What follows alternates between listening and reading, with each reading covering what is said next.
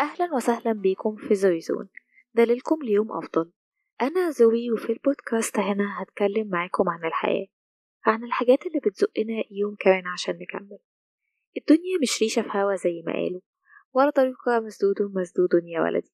الدنيا مرحلة لازم نعديها بحلوها ومرها. هنا هنقدر الحلو ونشوف إزاي نصبر على المر.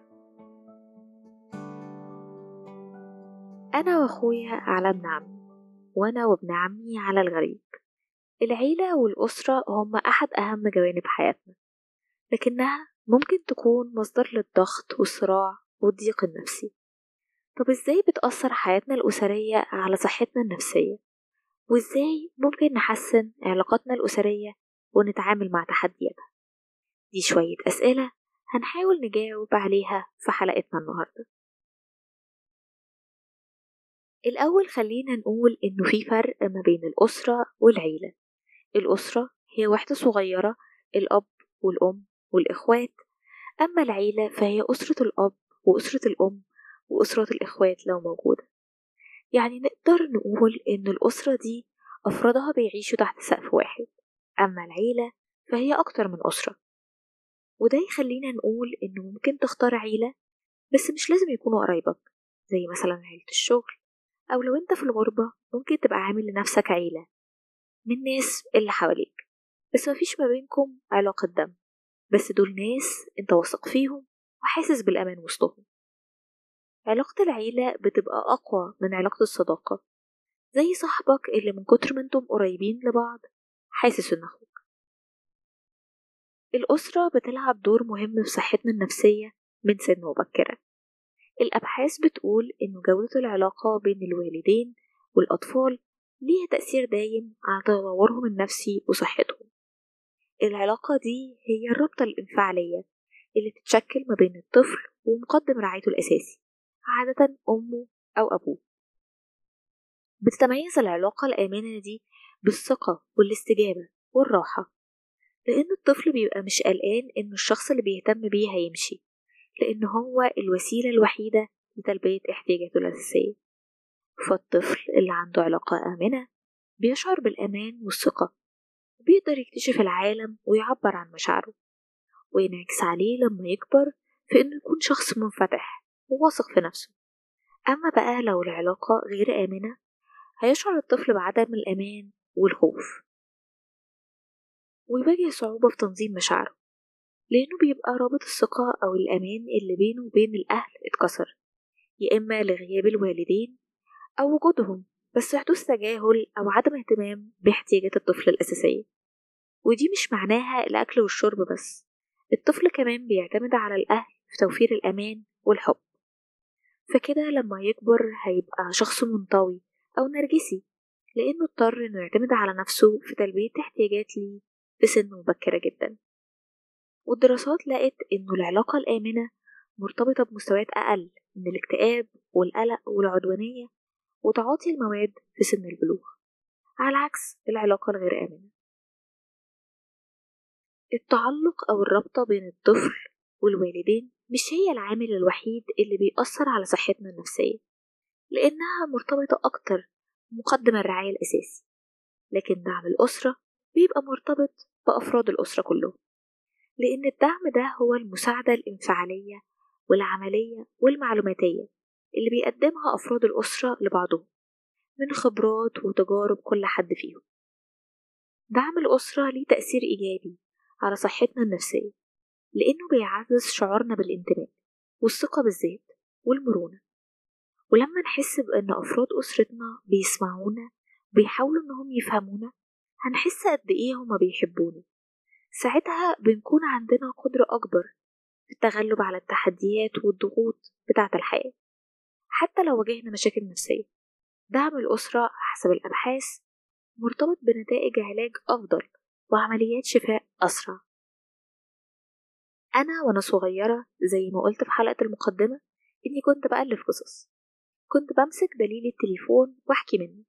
دليل التليفون ده للأجيال الجديدة اللي ما تعرفوش ده كان بيبقى كتيب كده بنسجل فيه أرقام التليفونات الأرضي للناس اللي نعرفهم فده كان بيبقى عبارة عن الاسم وجنبه رقم التليفون. فهو مفيش قصة يعني أو حتى رسمة أحكي منها. بس بما إن كان في كلام فهو بالنسبة لي قصة. لأني كنت لسه صغيرة حتى لسه متعلمتش القراية. كانت القصة ديت كنت لازم أحكيها لإخواتي ووالدتي واستنى والدي يرجع من الشغل وأحكيله والموضوع ده كان بيبقى يومي. ومع ذلك كانوا بيسمعوني ويقولوا لي مستنيين القصة الجديدة بتاعت بكرة. الدعم ده أثر فيا لحد النهاردة.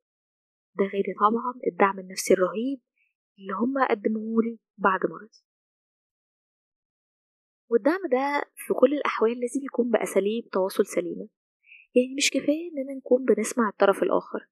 إحنا لازم نوصل له إننا فعلا سامعينه ومركزين معاه.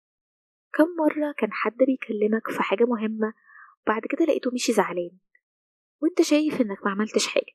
ده انت قعدت وسمعت مشكلته. بس انت ما خدتش بالك انك وانت بتسمعه كنت بتبص في الموبايل أو مركز في حاجة تانية بتعملها فانت حاسس انك عملت اللي عليك وهو شايف انك مش مهتم لمجرد انك ما كنتش باصص له وهو بيتكلم. أحد أساليب التواصل السيء برضو الانتقاد المستمر أو الخناقات المستمرة أو زي ما قلنا نقص التعبير عن المشاعر. السلوكيات ديت ممكن تؤدي لضغط مزمن وقلق واكتئاب وتوتر في العلاقات. فبقى ما بالك بداخل الأسرة. هتأثر تأثيرات سلبية على صحتنا النفسية لأنها تخلق عزلة وحقد وسوء فهم.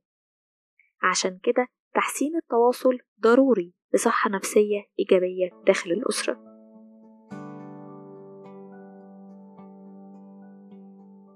بتحصل في أحسن العائلات.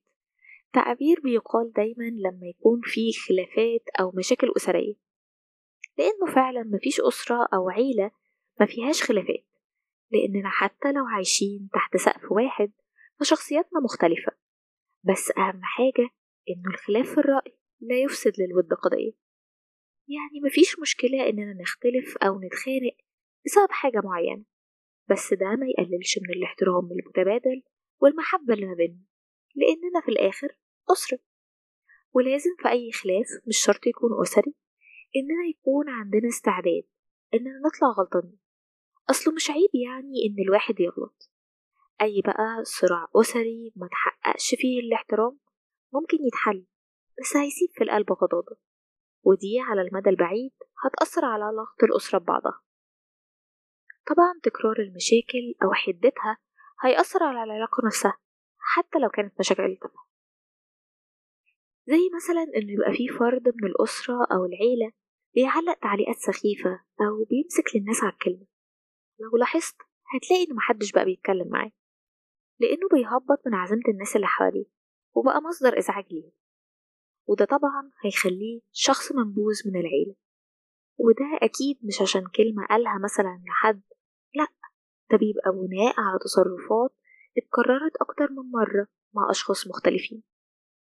لأننا خلينا نكون صريحين إحنا بنتقبل تصرفات سيئة أو ممكن تكون مؤذية من القرايب أكتر من الناس الغريبة لأن قوة الرابطة اللي بتجمعنا تخلي فيه مساحة واسعة من التقبل. عشان كده الشخص المنبوذ ده بيبقى الناس عدت له كتير. ده طبعا غير المشاكل اللي بتتسم بالعنف سواء الجسدي أو اللفظي دي بيبقى ليها تأثير مباشر وعميق على صحتنا النفسية زي القلق والاكتئاب قلة الثقة بالنفس ممكن تزيد خطر تعاطي المواد. عشان كده إدارة وحل الصراعات الأسرية بطريقة صحية ضروري لتعزيز الصحة النفسية. العيلة من الحاجات اللي ممكن ناخدها for granted. ونشوف إنها مضمونة. بس ده مش حقيقي. مفيش حد مضمون. لو إحنا مش بنبذل أي جهد عشان نحافظ على العلاقة دي. طب نحافظ عليها إزاي؟ بطريقة سهلة. نحافظ عليها بالاحترام والتقدير والتواصل الحقيقي. وده سر الحفاظ على أي علاقة في حياتنا. شاركونا على صفحات ال social media بتاعتنا. مين الشخص اللي بتلجأوا ليه من عيلتكم؟ لما بتكونوا متضايقين. اللينكات هتلاقوها في ال description. ونتقابل على خير الحلقة الجاية.